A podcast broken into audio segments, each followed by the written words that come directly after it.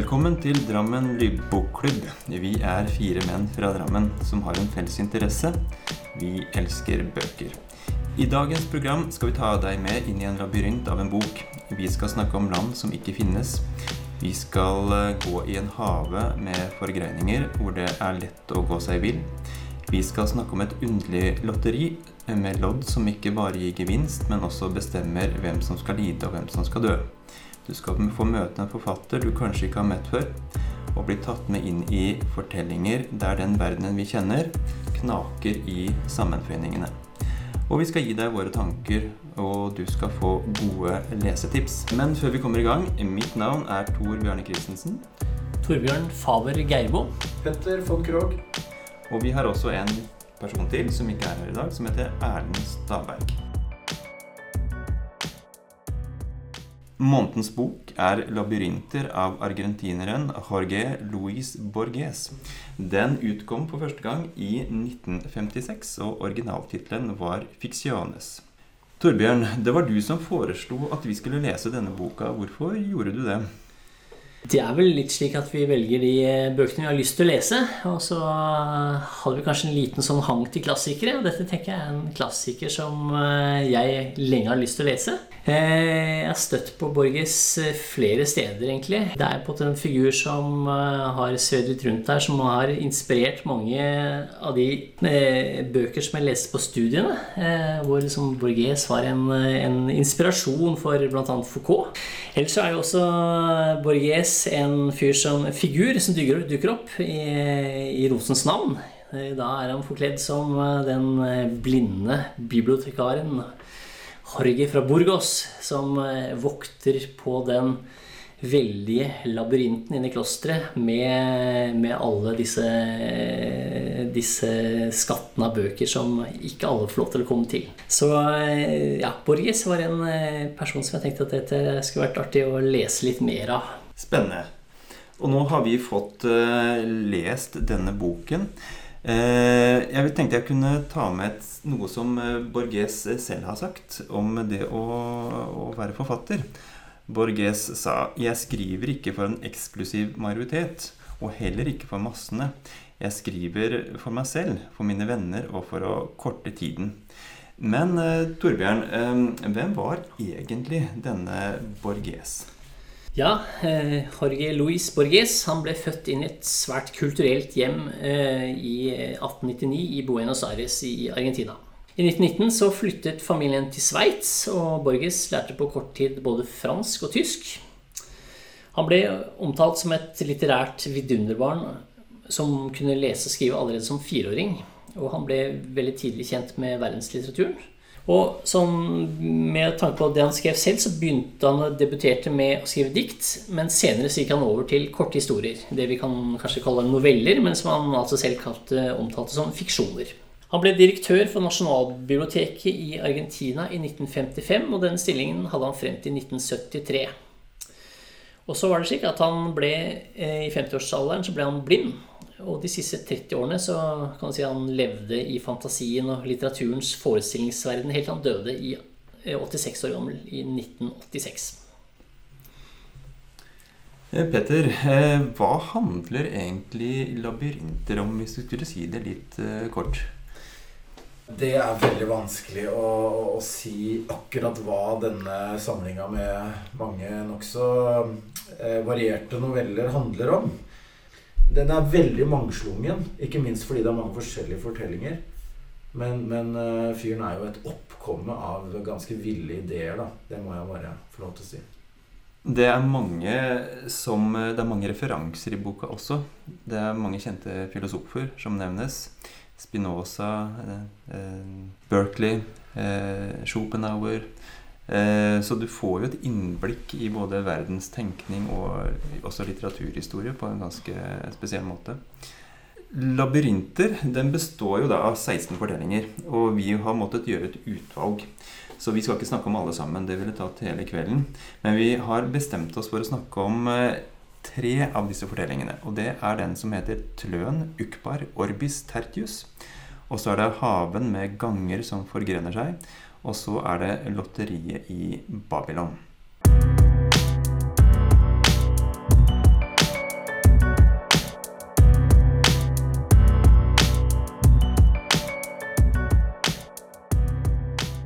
Først så er det lotteriet i Babylon. Eh, det er jo en kort fortelling på over sju små sider. Eh, det handler jo om da et absurd og ganske sinnrikt lotteri, der menneskene både kan vinne og eh, en største lykke, men også tape livet. Forfatteren, eller skal vi si fortelleren her, forteller at han ikke selv har forsket i lotteriets historie, men han har hørt fortellingene fra sin far om lotteri i gamle dager. Og Fortellingen starter med en gjengivelse av disse første lotteridrinnene som kan minne om et helt vanlig lotteri, der loddkjøperne kan vinne penger. Men lotteriet var en fiasko så lenge det bare appellerte til håpet om gevinst. Og snart blir det også føyd noen ulykkesnumre til trekningen, som gir vinneren en mulkt i stedet for pengepremiene. Et utfall i trekningen kan være resultatet av 30-40 tidligere trekninger. Skjebnen er altså determinert gjennom lotteriet. I siste avsnitt trekkes parallellen til Guds eksistens direkte inn i fiksjonen når jeg-fortelleren skiller hvordan ulike mennesker både tror og tviler på lotteriet og selskapets eksistens. Noen mener at selskapet er allmektig, andre mener at det bare har innflytelse over ubetydelige ting. Atter andre mener at det ikke eksisterer. Andre igjen mener det er likegyldig å bekrefte eller benekte det dunkle selskapets eksistens fordi Babylon selv ikke er annet et evig hasardspill, står det på slutt. Det er vanskelig ikke å høre Borges sin egen stemme gjennom fortelleren når han helt til slutt gjengir hvordan noen nederdrektig mener at det til og med er likegyldig å foreta denne diskusjonen omkring lotteri og selskapets makt og gyldighet, ettersom Barlon kanskje ikke er annet enn et evig hasardspill. Ja, hva er det nå egentlig Borges prøver å si til oss her, da? Altså, da jeg leste denne fortellingen, så kom jeg til et punkt hvor jeg, jeg, jeg stoppa litt opp, og så tenkte jeg ja, men dette lotteriet det ligner jo veldig på, på hvordan, uh, hvordan, menneskelivet er. Altså, noen er heldige og har trukket vinnerloddet, mens andre er åpenbare tapere. Og det, det, henger jo ikke sammen med om, om, hva de har gjort, eller om de har gjort seg fortjent til det. Ofte så er det jo helt tilfeldigheter som spiller inn. Noen rammes av ulykke, andre, andre rammes av lykke. Eh, så jeg, det jeg tenkte, var at det, det Borges gjør her, det er at han, han, eh, han trekker opp, tegner opp eh, menneskelivet som et slags lotteri. da, Og bruker det som en, et bilde for å vise hvor tilfeldig alt kan være. Og så eh, er det jo dette her med dette selskapet da, som står bak lotteriet. Og da bringer han nesten en sånn religiøs dimensjon inn. Hvor, eh, hvor, det er eh, et selskap som sitter og trekker i tråder og, og, og, bestemmer egentlig. Og mennesker har til alle tider slitt da, med å forklare hvorfor ting er så tilfeldig. Og så har man funnet opp alle mulige rare slags måter å forklare det på. Det er religioner og konspirasjonsteorier og, og filosofier. Men allikevel så kommer man ikke noe særlig lenger.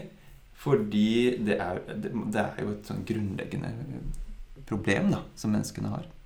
Akkurat det med det derre firmaet som uh, sitter bak og styrer alt. Det er også noe jeg kjenner igjen fra en del av de andre novellene i boka. Dette her med den o store bakmannen eller firma eller F.eks. at det fins én forfatter som egentlig skriver alle bøkene. Eh, de andre er bare eh, hva skal man si, katalysatorer for det. Det derre store ene kraften da, som, som ligger bak og, og dytter på. Det, det, er kanskje det jeg uh, satt mest igjen med. Jeg vet Dere falt veldig for denne her uh, lotteriet i Babylon, mens jeg, jeg fikk liksom uh, Dekka fikk aldri grep her, liksom.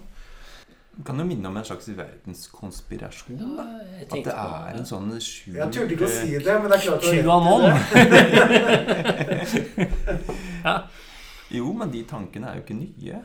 Dette har jo menneskene holdt på med i alle, alle tider det står en sånn skjult eh, bevegelse bak mye av det som, eh, som skjer. Og, og, og både på godt og vondt. Og det, det interessante her er jo at det er menneskene selv som vil ha det. Det er jo det rare. Det er jo de som uh, syns dette ble for kjedelig med disse pengepremiene. Her må vi få noe litt mer morsommere inn.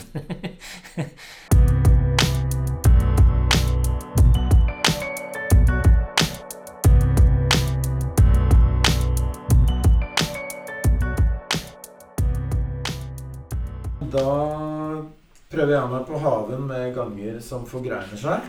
Eh, det var en uh, tekst jeg likte veldig godt. Det er jo en rød tråd her. Hovedpersonen er en spion for Tyskland. Han skal finne ut Finne navnet på en by. Ja, han ønsker å komme med en beskjed til sine ja, til oppdragsgiveren i Berlin. Det er mål som har kommet fra England, hvor dette skjer. Og det han skal gi beskjed om, er hvor de skal angripe. Og det er, da, det er jo da på byen Albert. Og ved å skyte Albert, så blir jo det en, en, en, en nyhet som sprer seg og fanges opp i Berlin. Så kan de da sende bombeflyene eller hva det er. Og, og angripe. Ja, det. Ja, så her forteller jo på mange måter eh, Borges en, en slags eh, spionfortelling. Litt sånn utypisk da, i stilen eh, sammenlignet med mange av de andre fortellingene. Det jeg beit meg merke i, det er en sånn like før han hovedpersonen skyter Albert, så sier denne Albert noe som, som er veldig forunderlig, syns jeg. Og det er at han tegner opp da mange altså vev av tid med mange mulige eksistenser. Det er veldig spennende. Han sier i flertall av disse tidene eksisterer vi ikke. I andre eksisterer du og ikke jeg. I atter andre eksisterer jeg og ikke du. Og i noen eksisterer vi begge. Eh, I denne nåtiden som skjebnen har skjenket oss, har du kommet til mitt hus. I en annen har du, mens jeg gikk gjennom haven, funnet meg død. I en tredje tid sier jeg disse samme ordene, men da er jeg et bedrag. Og så sier jeg noe jeg syns var ganske Jeg fikk nesten litt sånn eh, Det stoppa litt opp da. For han sier tiden forgrener seg uopphørlig mot utallige fremtider. I en av dem er jeg deres fiende. Og det sier han rett før han blir skutt. Eh, så det virker som om denne Altså en labyrint, da. Ikke sant? Eh, der er det mange ganger mange muligheter. Eh, og det er nettopp det han tegner opp her også. Akkurat som eksistensen eh, ikke er bestemt, da. Eh, og at det fins utallige muligheter for hvor du kan gå. Så det er jo Jeg, jeg føler at han, han prøver på en måte å slå litt sånn derre hull på den, den faste virkeligheten, eh, det, hverdagslivet mm. han, vil, eh, han vil trekke oss litt bort ifra det og, og, og, og inn i labyrinten hvor vi mister overblikket. Mm. Og, taper oss selv kanskje litt, og, hvilke, hvilke veier man skal gå, og, så at man går vill. Eh, og så er det noe sånn veldig forunderlig over, eh, over alle disse mulighetene da, som fletter seg sammen. Akkurat som om uh, det, det, er en sånn stor, stor tilfeldighet hele, hele livet. At, du, at, du, at du kunne valgt uh, annerledes og kommet et helt annet sted. Ja. Altså, jeg, jeg, digger jo egentlig dette her med at han Svi Penne har sittet i 13 år og jobba med et, et så sprøtt prosjekt, da, som er denne labyrinten. Og han er jo inne på det, han Albert, at han kan jo umulig ha jobba i 13 år med så, noe så diffust. Fordi at uttrykksformen, romanen, da, på Syv Pens tid var så nedrig og ræva at det var helt uaktuelt at han kunne ha brukt så mye tid på akkurat det. Og derfor så har han jo tenkt det kan ikke bare være boka. ikke sant? Kom til å tenke på en, eh, en eh, samtidig med Borges, og det er uh, tyske fysikeren Erwin Schrødinger og hans uh, tankeeksperiment om katten som er eh, om katten. Hvor det handler om uh, kvantemekanikken, om, om en sånn sak og at du har noe ja, eh, spørsmål om du kan ha på en måte to parallelle tider. Men, men, hvorfor skriver Borges sånne merkelige fortellinger? Jeg, jeg, tror vel det er rett og slett som det var i, i begynnelsen her. Altså, det er jo for å korte ned tiden. Og for å ha noe underholdende kan man si. Men så er det vel kanskje noe mer òg. Det er vel rett og slett kanskje for å bryte litt opp på, på, en, på noe eh, struktur og orden som blir altfor eh, for harde, for strenge og for lite lekne, kanskje. vet ikke, det... Han har vel egentlig ikke noe sånn politisk prosjekt, så vidt jeg forstår. Jeg tenkte faktisk litt på Jeg har tenkt ganske mye på det. Fordi jeg må ærlig innrømme at uh, dette syns jeg var ganske krevende. Kanskje aller mest fordi at jeg tenker mye på Murakami ikke sant, når vi leser dette her. da. Men Murakami han gir deg tid, ikke sant? Han gir deg tid til å liksom eh, Altså Det starter for, for å si det veldig enkelt altså starter det veldig normalt veldig lenge.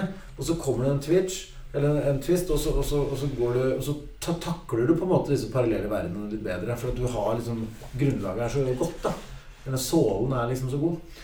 Mens her er det liksom rett på kjøret.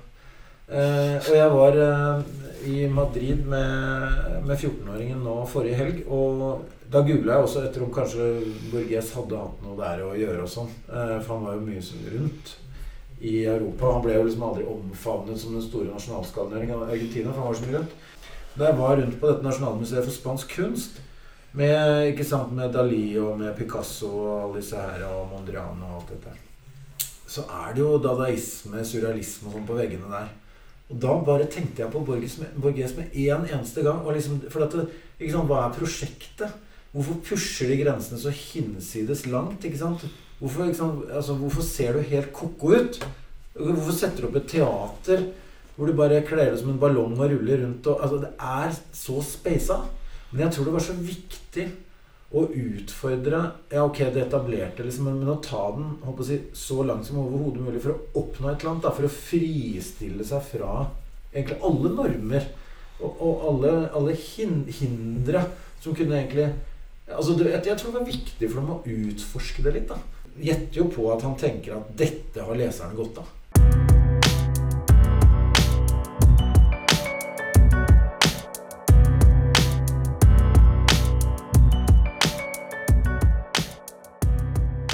Og da passer det jo veldig godt uh, å gå over til å snakke om uh, den tredje fortellingen vi skal uh, ta for oss i dag, som heter 'Tløn ukbar orbis tertius'. Jeg tenkte jeg kunne begynne med å lese de første linjene. At jeg oppdaget ukbar, skyldtes en tilfeldig konstellasjon av et speil og en encyklopedi. Speilet dannet en foruroligende bakgrunn der det sto i fondveggen i en korridor på et landsted i Calagaona i Ramos. Slik starter denne fortellingen, og den fortelles i jeg-form. Eh, og det, man, man, får en tanke om at det er forfatteren selv som er hovedpersonen, men det, det vet man jo ikke. Eh, det handler om en reise inn i en annen verden, kan man si. Og det er uklart om dette landet Ukbar har eksistert, og om noen noensinne har vært der. Det antydes at det er et landområde i Irak, i For-Asia, som det sies. Eh, han forteller om sin søken etter tapte bind av leksikon, ulike kilder, som forteller om Ukbar. Og det er et slags detektivarbeid hvor han pusler bitene sammen. Etter hvert så kommer han over et nytt leksikon på en litt underlig måte. Det er en eh, bekjente han som dør, og rett etter at denne vennen eller bekjente dør, så mottar denne en pakke hvor det er rett og slett et leksikon om planeten Tløn. Og det er en ukjent planet, en slags fantasiverden. Eh, I denne verden er ingenting som eh, det pleier å være i andre verdener. Her er det f.eks. ingen substantiver.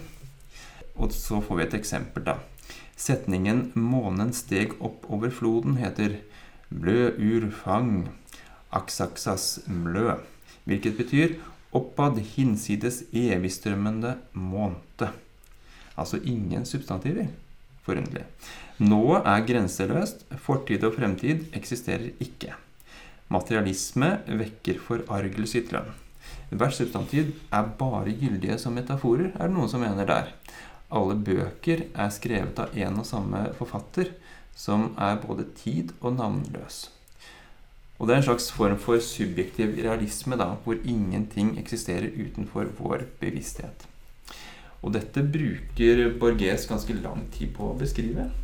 Og denne jakten på å pusle sammen alle disse historiene, både om Ukbar og om Tløn, det, det opptar det meste av eh, historien. Men hva, hva tenker dere at Borges forsøker å si her? Det er jo én person som står bak dette selskapet, som er en kjent filosof. Og det er filosofen George Bartley. Eh, jeg tror dette er en eh, slags kommentar til hans filosofi og et forsøk på å skrive en historie i hans ånd, kan vi si. da. Eh, George Barkley var jo en sånn Måtte jeg på en måte bla litt opp i, i Wikipedia. Så jeg er jo sånn forstått sånn fyr som var på X-Fill-pensum, så vidt jeg husker. Men uh, det er jo en sånn uh, ekstrem empirist som, som, da handler i kanskje en, en sånn typisk sånn subjektiv subjektivisme til slutt. At ja det er vel noe greier her. Et, et sitat at det, det, å være er å bli sanset og å sanse. Så eh, hvis jeg sanser noe, eller eh, blir sanset, så er jeg til. Eh, ja. Eh, det, det snur iallfall litt opp ned på, på, på, på, hvordan man tenker seg at, at, at væren består i. da. Og det er forstått det som skjer her òg. Det er noen som begynner å både dikte en verden, og etter hvert så sprer jo disse bøkene seg, men til slutt så kommer det også noen etter hvert så dukker det opp noen sånne gjenstander. En sånn veldig tung gjenstand som da er på en ting som er skapt i, i kløn, da, som begynner å blande seg inn i, i virkeligheten, i, i, vår verden, vil jeg tenke. Og han sier vel også noe på slutten her på at det, det blir jo på en måte Den historien vi har, den er glemt. Og det, verden vår blir mer og mer kløn. Er ikke det han sier på slutten her? Et spredt dynasti av eremitter har forandret jordens overflate, og arbeidet deres fortsetter. Hvis våre forutsig forutsigelser er korrekte, vil noen om 100 år oppdage de 100 bindene i det andre syklopedi over et lønn. Da vil engelsk og fransk og det simple spansk forsvinne fra kloden. Verden vil bli kløn. Det bryr jeg meg ikke om. Jeg sitter her og fordriver mine stille dager på hotellet i Androgé med en vaklende oversettelse i Cuevedo-stil, som jeg ikke akter å få få trykt av sir Thomas Browns urne Burial. Altså, fyren er jo, han er jo supernerd. Han er jo superlitteraturnerd og var jo nasjonalbibliotekar, som du var inne på i stad, i 100 år, holdt jeg på å si. Det er ikke alle som sitter så lenge nødvendigvis. Og han lefler jo med Dewey's desimalklassifikasjonssystem her inne også. Eh, det er jo akkurat som han bare Han går jo etter alle, alle mulige ting som er litt utafor normalen. Altså I Dewey så er jo 12 er ti, ikke sant? Ja, ok. Og, og så videre. Ja. Mm. Og så er det der for å, ja, for å holde orden i sysakene ja, okay. i biblioteker osv. Eh, men, eh, men han, altså, han, siterer jo Russell her, og er det Bertrand Russell han er inne på der? For der kommer det til at ja, universet, eh, universet er jo skapt for noen minutter siden til enhver tid. Og det er egentlig bare menneskets hukommelse som egentlig opprettholder noen idé om at universet er noe mer enn bare noen minutter gammel. Og så er det denne her med Schrødingers katt. Schrödinger, ja. Mm. Every man is two men. Ja. Det, det, er liksom, det er jo det Han kjører jo på med liksom sånn Ja, nå er jeg ikke nøyd med det faktiske eller det virkelige. Her må vi tenke alternativt hele tiden. Og det er det jeg føler som går igjen veldig mye her. da Og så syns jeg det topper seg med den der veldig fine lignelsen om de ni minnene. Ja, ja. Altså Den er jo sånn jeg sannsynligvis kan finne på å øve inn og fortelle på en fest innimellom. For den er faktisk dritmorsom. Men hva hva er lignelsen om de ni myntene? Ja, Lignelsen om de ni myntene det, det begynner på en tirsdag. For da går X over veien og mister ni mynter. Og så på onsdag så kommer Y og finner fire mynter. Og på torsdag så er det Z sin tur som passerer veien, for han finner tre mynter. Det er to da som mangler, ikke sant? Men på fredag da finner jo da X, som opprinnelig mista disse myntene, han finner to mynter i gangen. Du kan jo ikke vite at de to myntene ikke er noen andre mynter.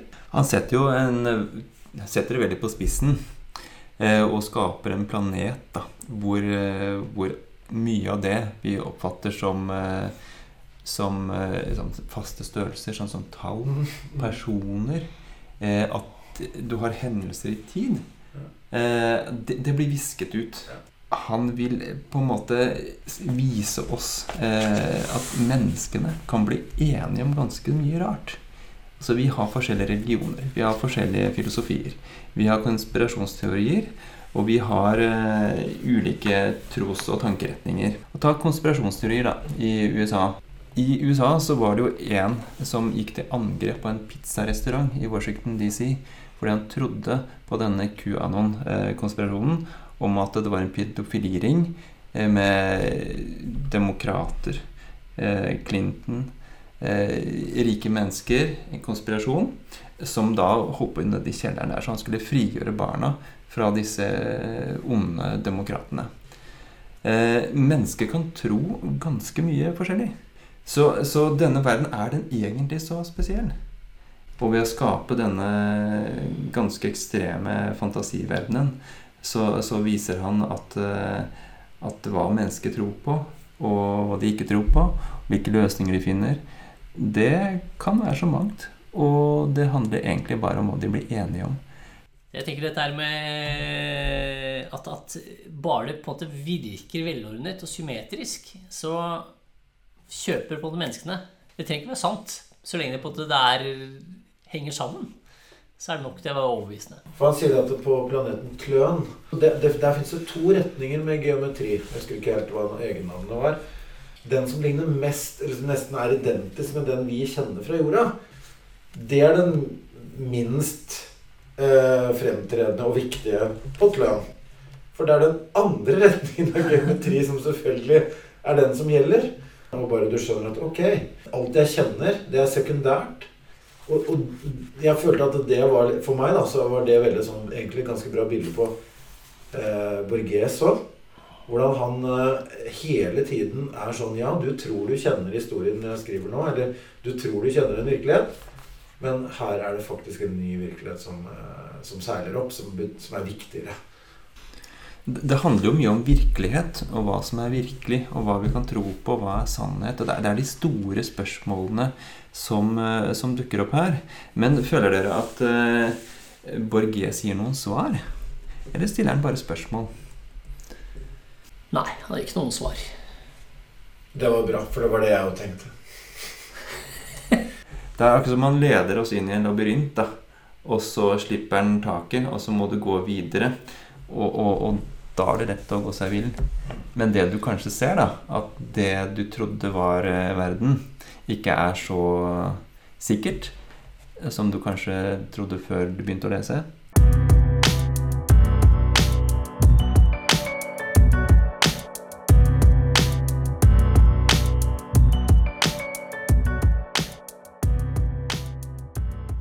Men eh, tenker dere at eh, dette er en bok som eh, er aktuell for mennesker i dag?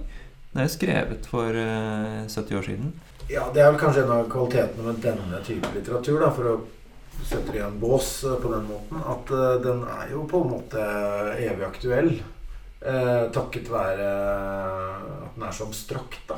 Og i og med at han løfter det ut til og med andre, i andre verdener, til og med, så er det jo litt sånn ja, Det er jo ikke sånn at hva? Det er jo ikke mobiltelefoner i denne romanen der. Noe helt utdatert. Det er ikke noen, er ikke noen sånne problemer vi støtter på, liksom. Så, så, så jeg, jeg, jeg, vil si det. At det, det holder seg absolutt. Det er ganske krevende å lese, tenker jeg. Ja. Og, og, jeg, jeg stoppa opp mange ganger og måtte lese om igjen. Uh, og han har et språk, og det er ganske mye detaljer. Du, du, må, du må følge med. Hvem tenker dere at denne boka passer for? Du står ikke og velger mellom denne og en krim i, i bokhylla og, og, tenker at det, det er eh, samme hva du velger da? Ja, altså jeg, jeg, tenker jo at du, Det er jo ikke liksom den første voksenboka du gir til 18-åringen, f.eks. Det, ja, det, det er jo lurt å være vant til å lese, liksom. Og, eller, eller, selvfølgelig bare Eller i hvert fall vite at uh, her kommer det en utfordring. Uh, og det kan være kjempegøy. Og det var flott å utfordre seg, og ikke minst også få komme i touch med en hel del filosofer osv. Men jeg tenker det, jeg vil ikke liksom bare anbefale den her sånn uten videre. Eh, og jeg tror også mange, altså kanskje litt sånn som oss, når vi går til Borges for å lese det, så er vi nysgjerrig på, på forfatteren Borges. Hvordan skrev han? Hva er dette for noe, da? Litt mer enn bare en sånn 'Å, det er så fantastisk, den fortellingen om Kløn'. Du må lese den! Det er jo ingen som går rundt sånn. Eh, men det kan være fantastisk å lese den likevel. Men kan vi si altså Vi i Drammen Lydbokklubb vi har jo bestemt oss for å komme med anbefalinger til folk. Eh, kan vi anbefale denne boka til lytterne våre? Torbjørn? Ja, det vil jeg si. Petter? Ja, det kan jeg. Ja, og det blir et eh, hjerte-ja fra min side også. Altså, jeg tenker Det er ikke farlig å utfordre seg litt. Eh, og, og, lese ting som du kanskje ikke hadde tenkt å lese. Det kan være utfordrende, absolutt, men eh, det er også en veldig artig bok på mange måter. Og, og veldig uventa. Eh, ikke kjedelig i det hele tatt. Og det er en, en samling med forunderlige fortellinger da, som, som både fryder og forvirrer og irriterer. Og så må vi snakke litt om hvordan vi leser bøker. Vi i Drammen lydbokklubb vi har jo valgt et navn, og det er en grunn til det det at vi hører mye lydbøker. Peter, vil du si at uh, labyrinter er en fryd for øret, som vi gjerne sier i Drammen lydbokklubb om bøker som er gode å høre på? Eh, nei, den, den, er ikke noe særlig god fryd for øret. For den er litt for intrikat. Eller det er litt for eh, Som du sier, du har lyst til å bla litt tilbake litt ofte, og det er ikke så lett på øret. Eh, så jeg vil neste, neste gang så leser jeg den heller på papir. For jeg hørte den på engelsk, men jeg ville egentlig gått for å lese den hvis jeg kunne valgt på nytt. Godt tips. Vi må da snakke om neste bok. For enhver bokklubb eh, må jo da velge en ny bok. Eh, kunne du sagt noe om det, Torbjørn? Ja, nei, vi har jo eh, ofte pleid å, å høre på eller lese eh, de som har vunnet eh, Nobelprisen i litteratur. Og i, denne, i år så er det jo da Annie Ernaux. Så vi har gått for å høre en av de mest kjente, som heter Årene. Og så avslutter vi dagens sending med et sitat av George R.R. Martin, forfatteren av Game of Thrones. Han har sagt 'Den som leser, lever tusen liv før han dør'. Den som ikke leser, lever bare ett. Takk for oss.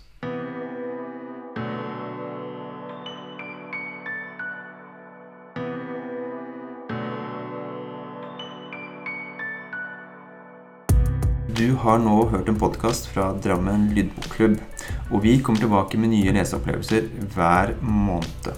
Du finner podkastene våre på Spotify og på Drammen lydbokklubb sin nettside.